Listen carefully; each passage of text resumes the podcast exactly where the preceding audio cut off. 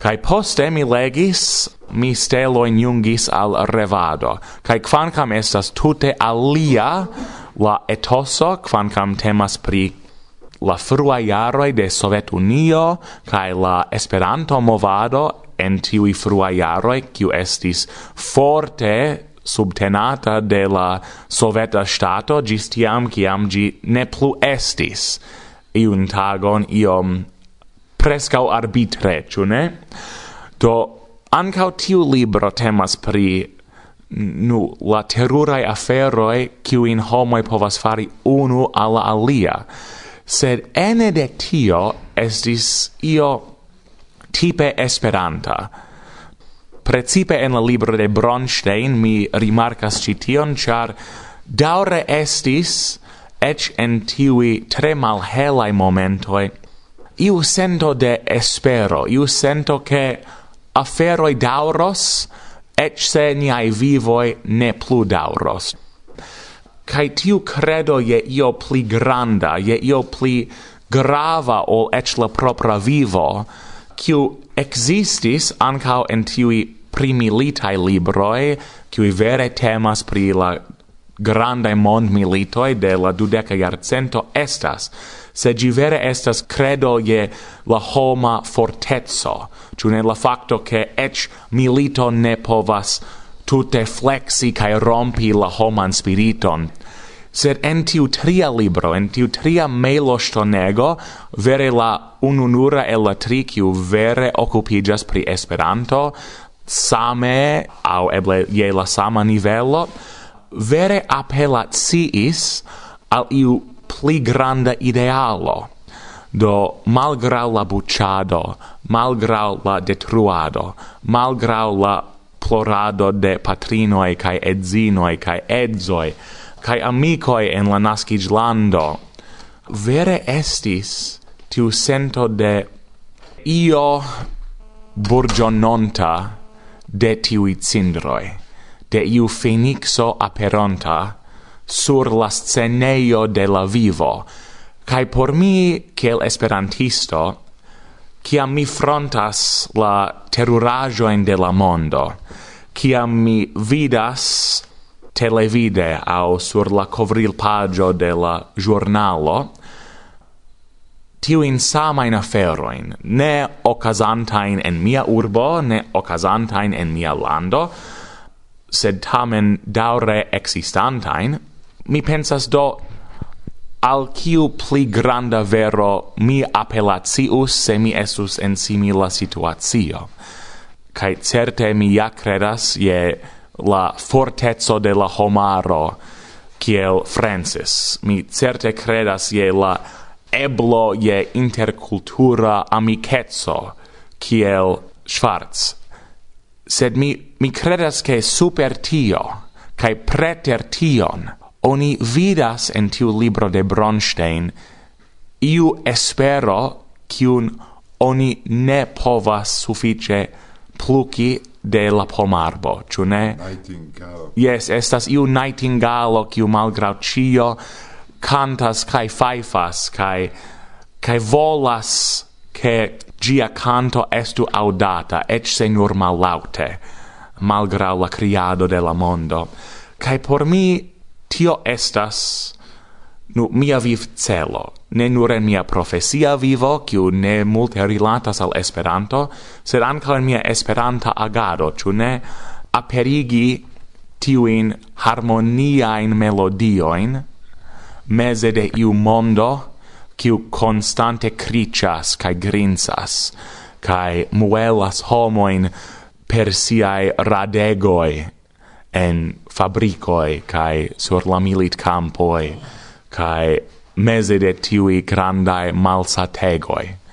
Do por mi tiui meilostonegoi montras al ni la veran vojon de Esperanto en malsamai manieroi, compreneble, sed ja per iu comuna vocio, kiu vere volas contraustari nian teruran mondon tia kia gi estas. Do mi iomete perdigis, ĉu ni parolis pri literaturo au ĉu mi igis atestanto de esprimo de sentoi en Esperanto kiel iam instruis en mon priva. Videble vi sentas tion pri kio vi parolas, do kroma instigo al vi, karaj gaŭskultantoj, legu librojn simple. Yes, certe. Do por mi esti esperantisto kiu ne legas nian originalan literaturon estus kiel mi ne scias. Esti homo kiu ne manĝas ĉu ne? char enne de nia esperantista culturo ne estas multo crom la libro, ĉu ne? La libro estas la centro de nia vivo, ĝi estas la pulsanta coro de nia movado, kaj se oni ne legas, oni ne povas konekti sin al tiu granda fonto de energio, kaj al tiu granda fonto de nu, daŭripovo, ĉu ne? Do por mi ne temas pri tiui belai metaforoi, pri tiu stilo, pri la grammaticajoi, quancam compreneble mi interesigas pri ili, vere temas pri la sentoi, tiu comunajo de la esperanta literaturo, kiu non vidas kai en tiui amplexai libroi, kai en tre ege maldicae pamfletoi, ec in broschuroi, cune, kiu eble estas iom dilettantae, eble ne estas literaturai, sed tamen ancau ili havas tiun ne naivan esperon, ciu ne? Tiun manieron rigardi la mondon, porce gi estu pli bonigita de la rigardo. Do ne flanken rigardu, carai, sed vere rigardu antauen, rigardu tion kion vi faras en la vivo kaj ene de la Esperanto movado, cae kiam vi besonos inspirigion, vi ciam povas turni vin al iu bona libro ene de nia literaturo, cae mi povas garantii al vi che kiam vi sentos tiun deprimigion, vi trovos bonan amicon sur la pagioi de, de niai libroi, ciu en mailo stonegoi, ciu ne. Io pli des pli, sate tion mi ripetos kion en persona discuto mi jam diris, ne nur pro pano homo vivas, simple, yes. kai tio rilatas anco vin. Coran dankon! Do dankon al vi!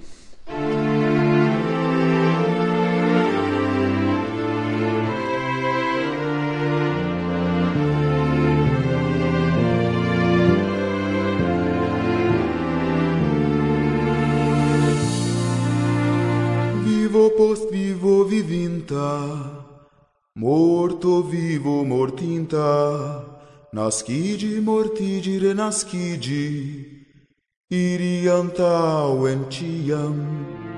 Tia estas la legio, tia estas la legio.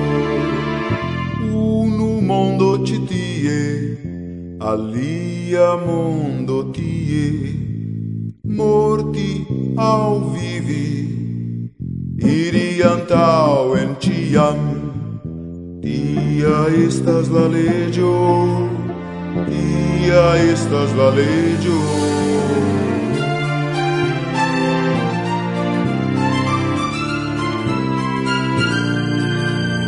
Fali cae levigi, lerni, torno cae floro vivi, amicoi de die, amicoi de citie, iri antauen ciam, Tia estas la legio, tia estas la legio.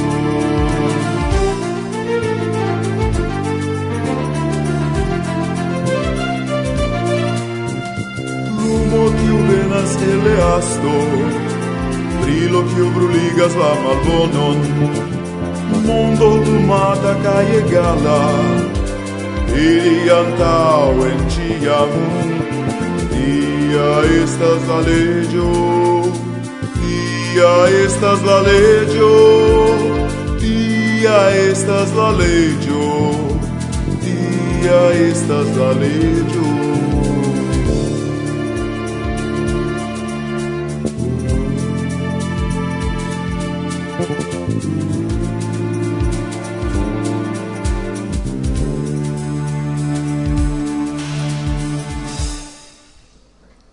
Saluton. Mi estas Ana Manero kaj invitas vin al angulo de Miguel Fernández. Matenillo en Grandurbo. Al Mati Montero quiu per batalas auroroin.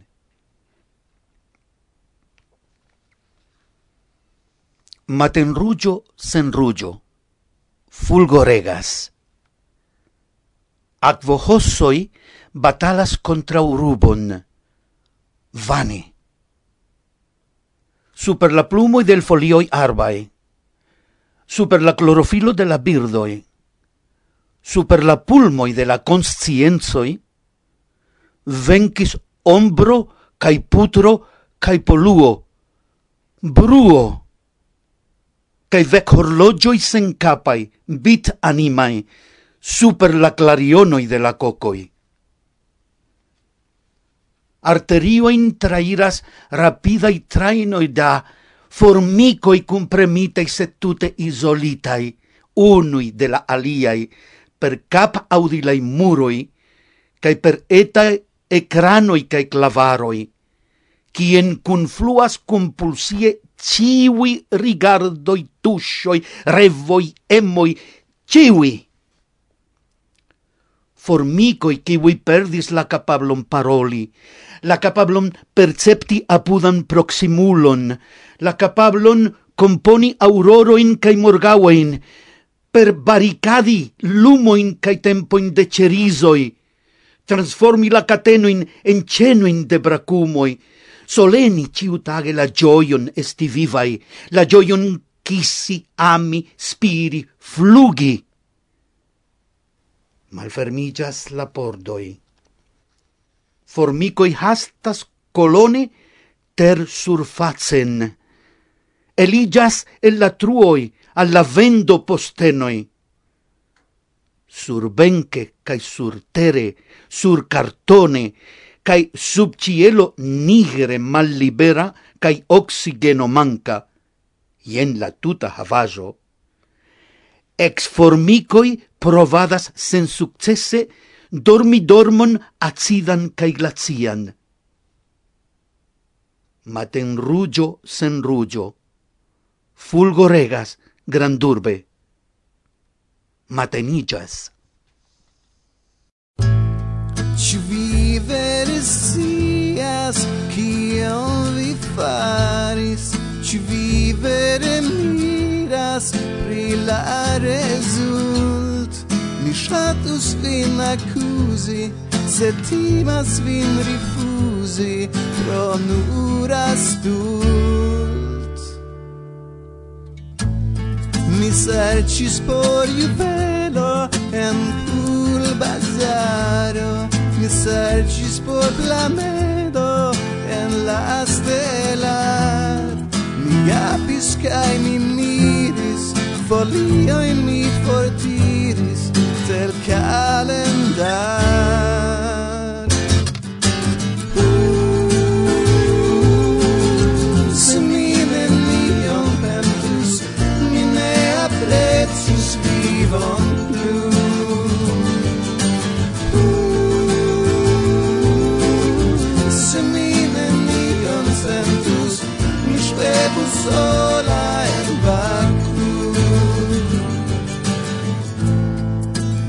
aŭdis vian voĉon en la radio. Mi aŭdis viajn paŝojn ĉe mia por. Subite mi memoris kaj ĉio tuj sonoris kun malakoro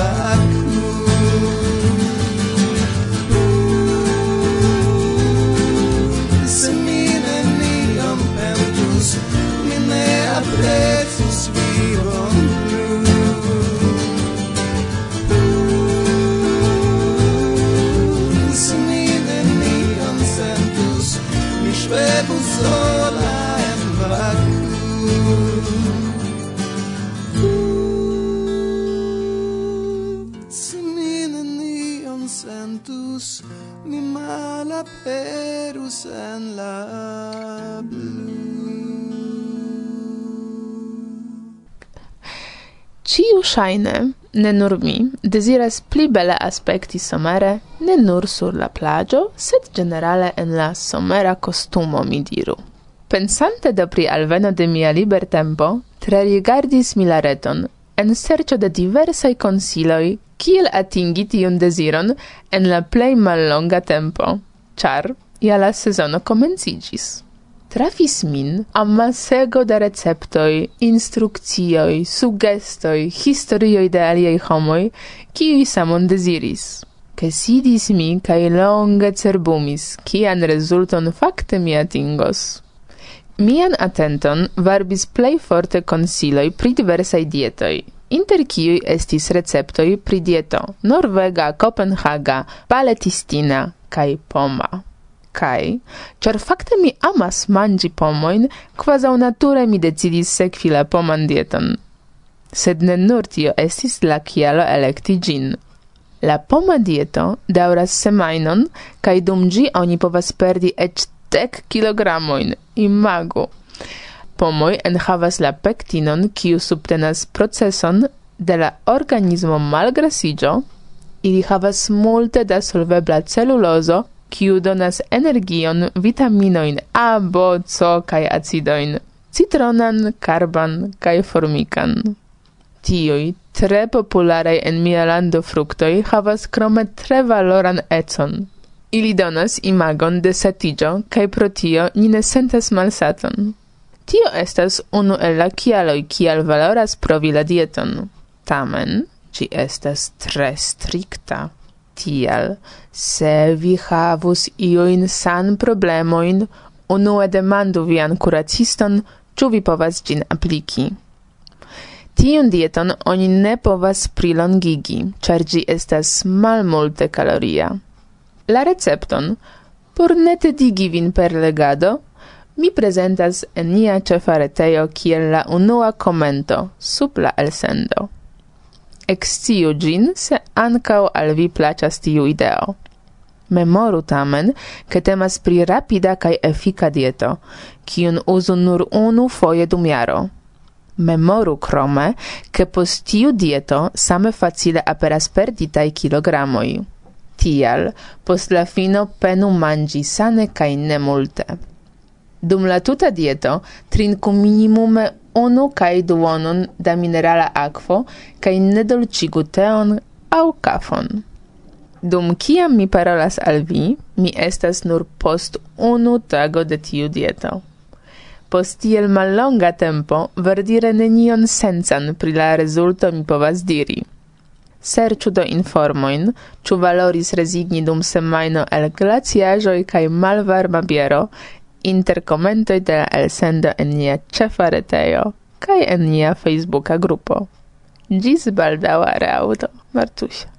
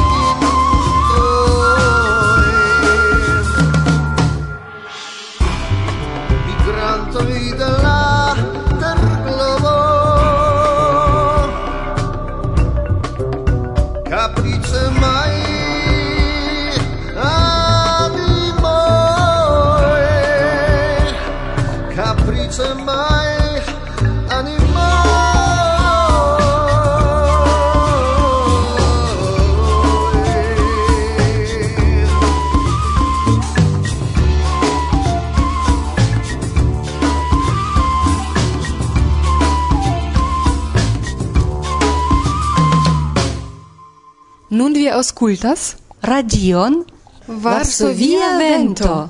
Bla bla bla. Mi estas Balbino, vilaĝa knabo. Alivorte neniulo kai krome malriĉa. Tamen same vilaĝa estas Manolito kai neniu kuraĝas spiti lin. Malgraŭ kio okazis al li pro mia kulpo. Somere minut piedas. La varma vojpolvo igas min rapidi. Sableroi gratas min cae piedvesicoi facile crevas. Mi vecigas en profunda nocto, je la dua au tria matene, por iri pasti la brutaron, plugadi au fari garboin. Ce la tagigio, miai dorso cae cruroi, iam de longe doloras. Sed la tago venas, soifo, suno, mushegoi. Tio estas la comenzo fakte de eh, memoraĵoj de kampara knabo, kiun mi tradukis. Temas pri unu el la ĉefverkoj de la galega literaturo. Ĝi estas publikigita de Mondial kaj estis inkludita en la serio Oriento Okcidento de UEA. Ĝi enhavas fotojn de la aŭtoro donacitaj de la fondaĵo José Neira enhavas ankaŭ tre conata in Galegio de segno in de Isaac Diaz Pardo, kiu in la heredinto cedis por ĉi tiu eldono. Kaj mi invitas ĉiujn legi la libron, se vi legos vi comprenos mian landon tute. Kaj eh, mi pensas ke ĝi estas vere universala, ĉu ne ĉar en ĝi estas la cefai valoroi amicetso, amo, cae socia justezo. Dankon.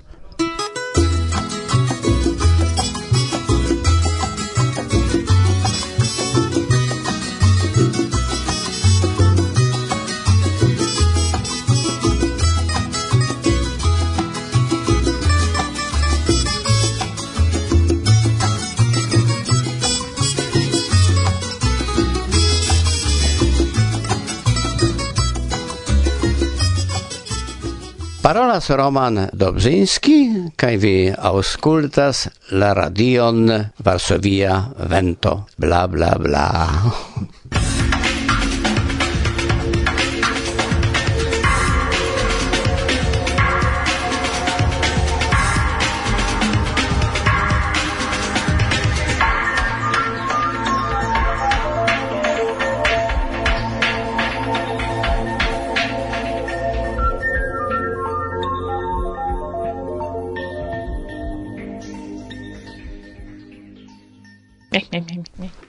Do, saluton, kiu vi estas?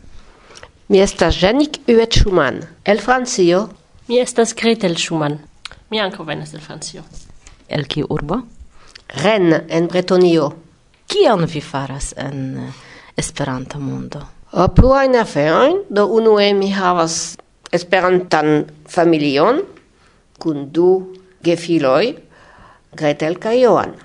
Mia edzo estas germana, kaj ni parolas kune Esperanto de 1992.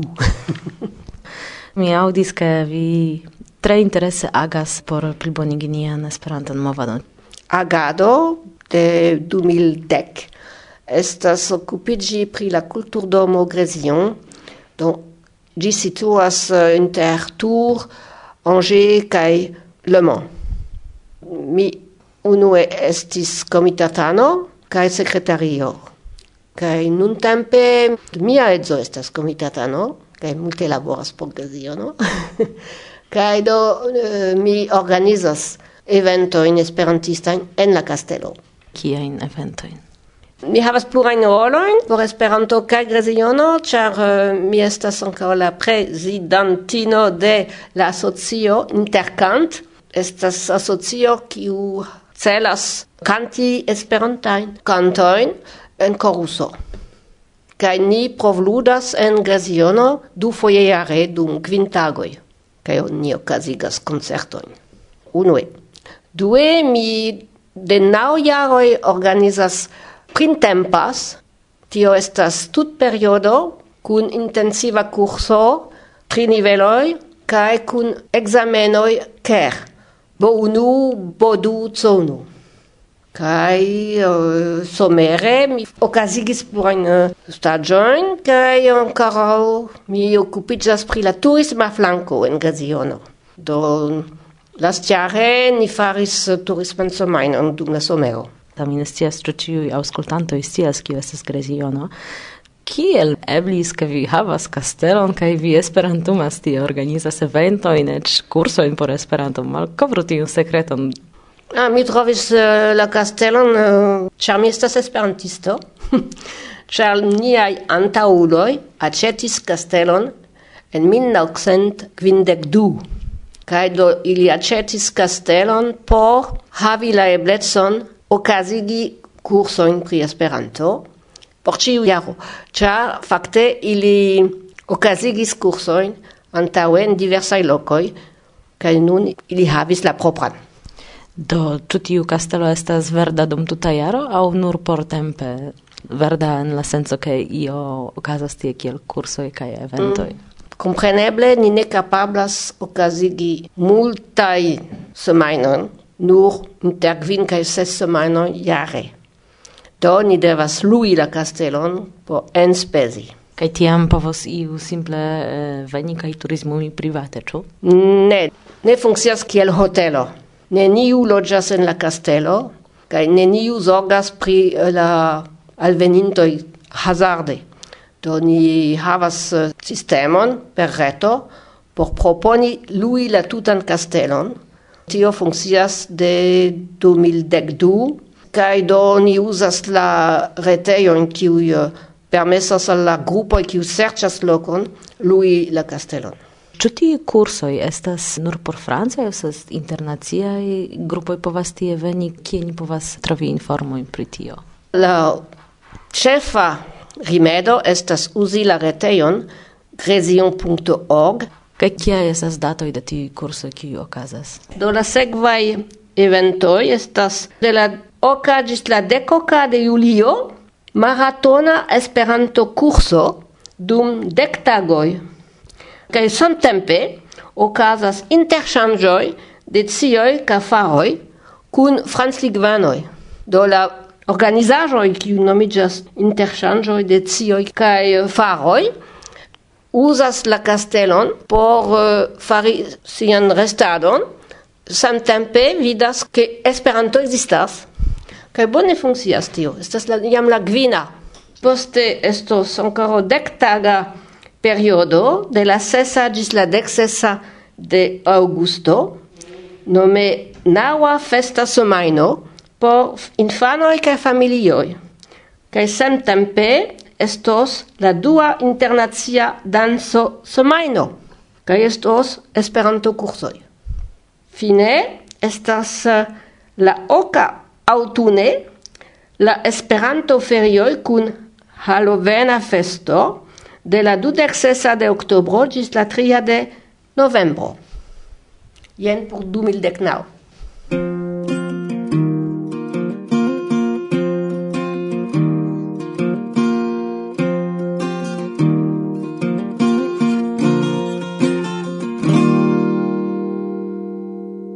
så vi har vänt och bla bla bla.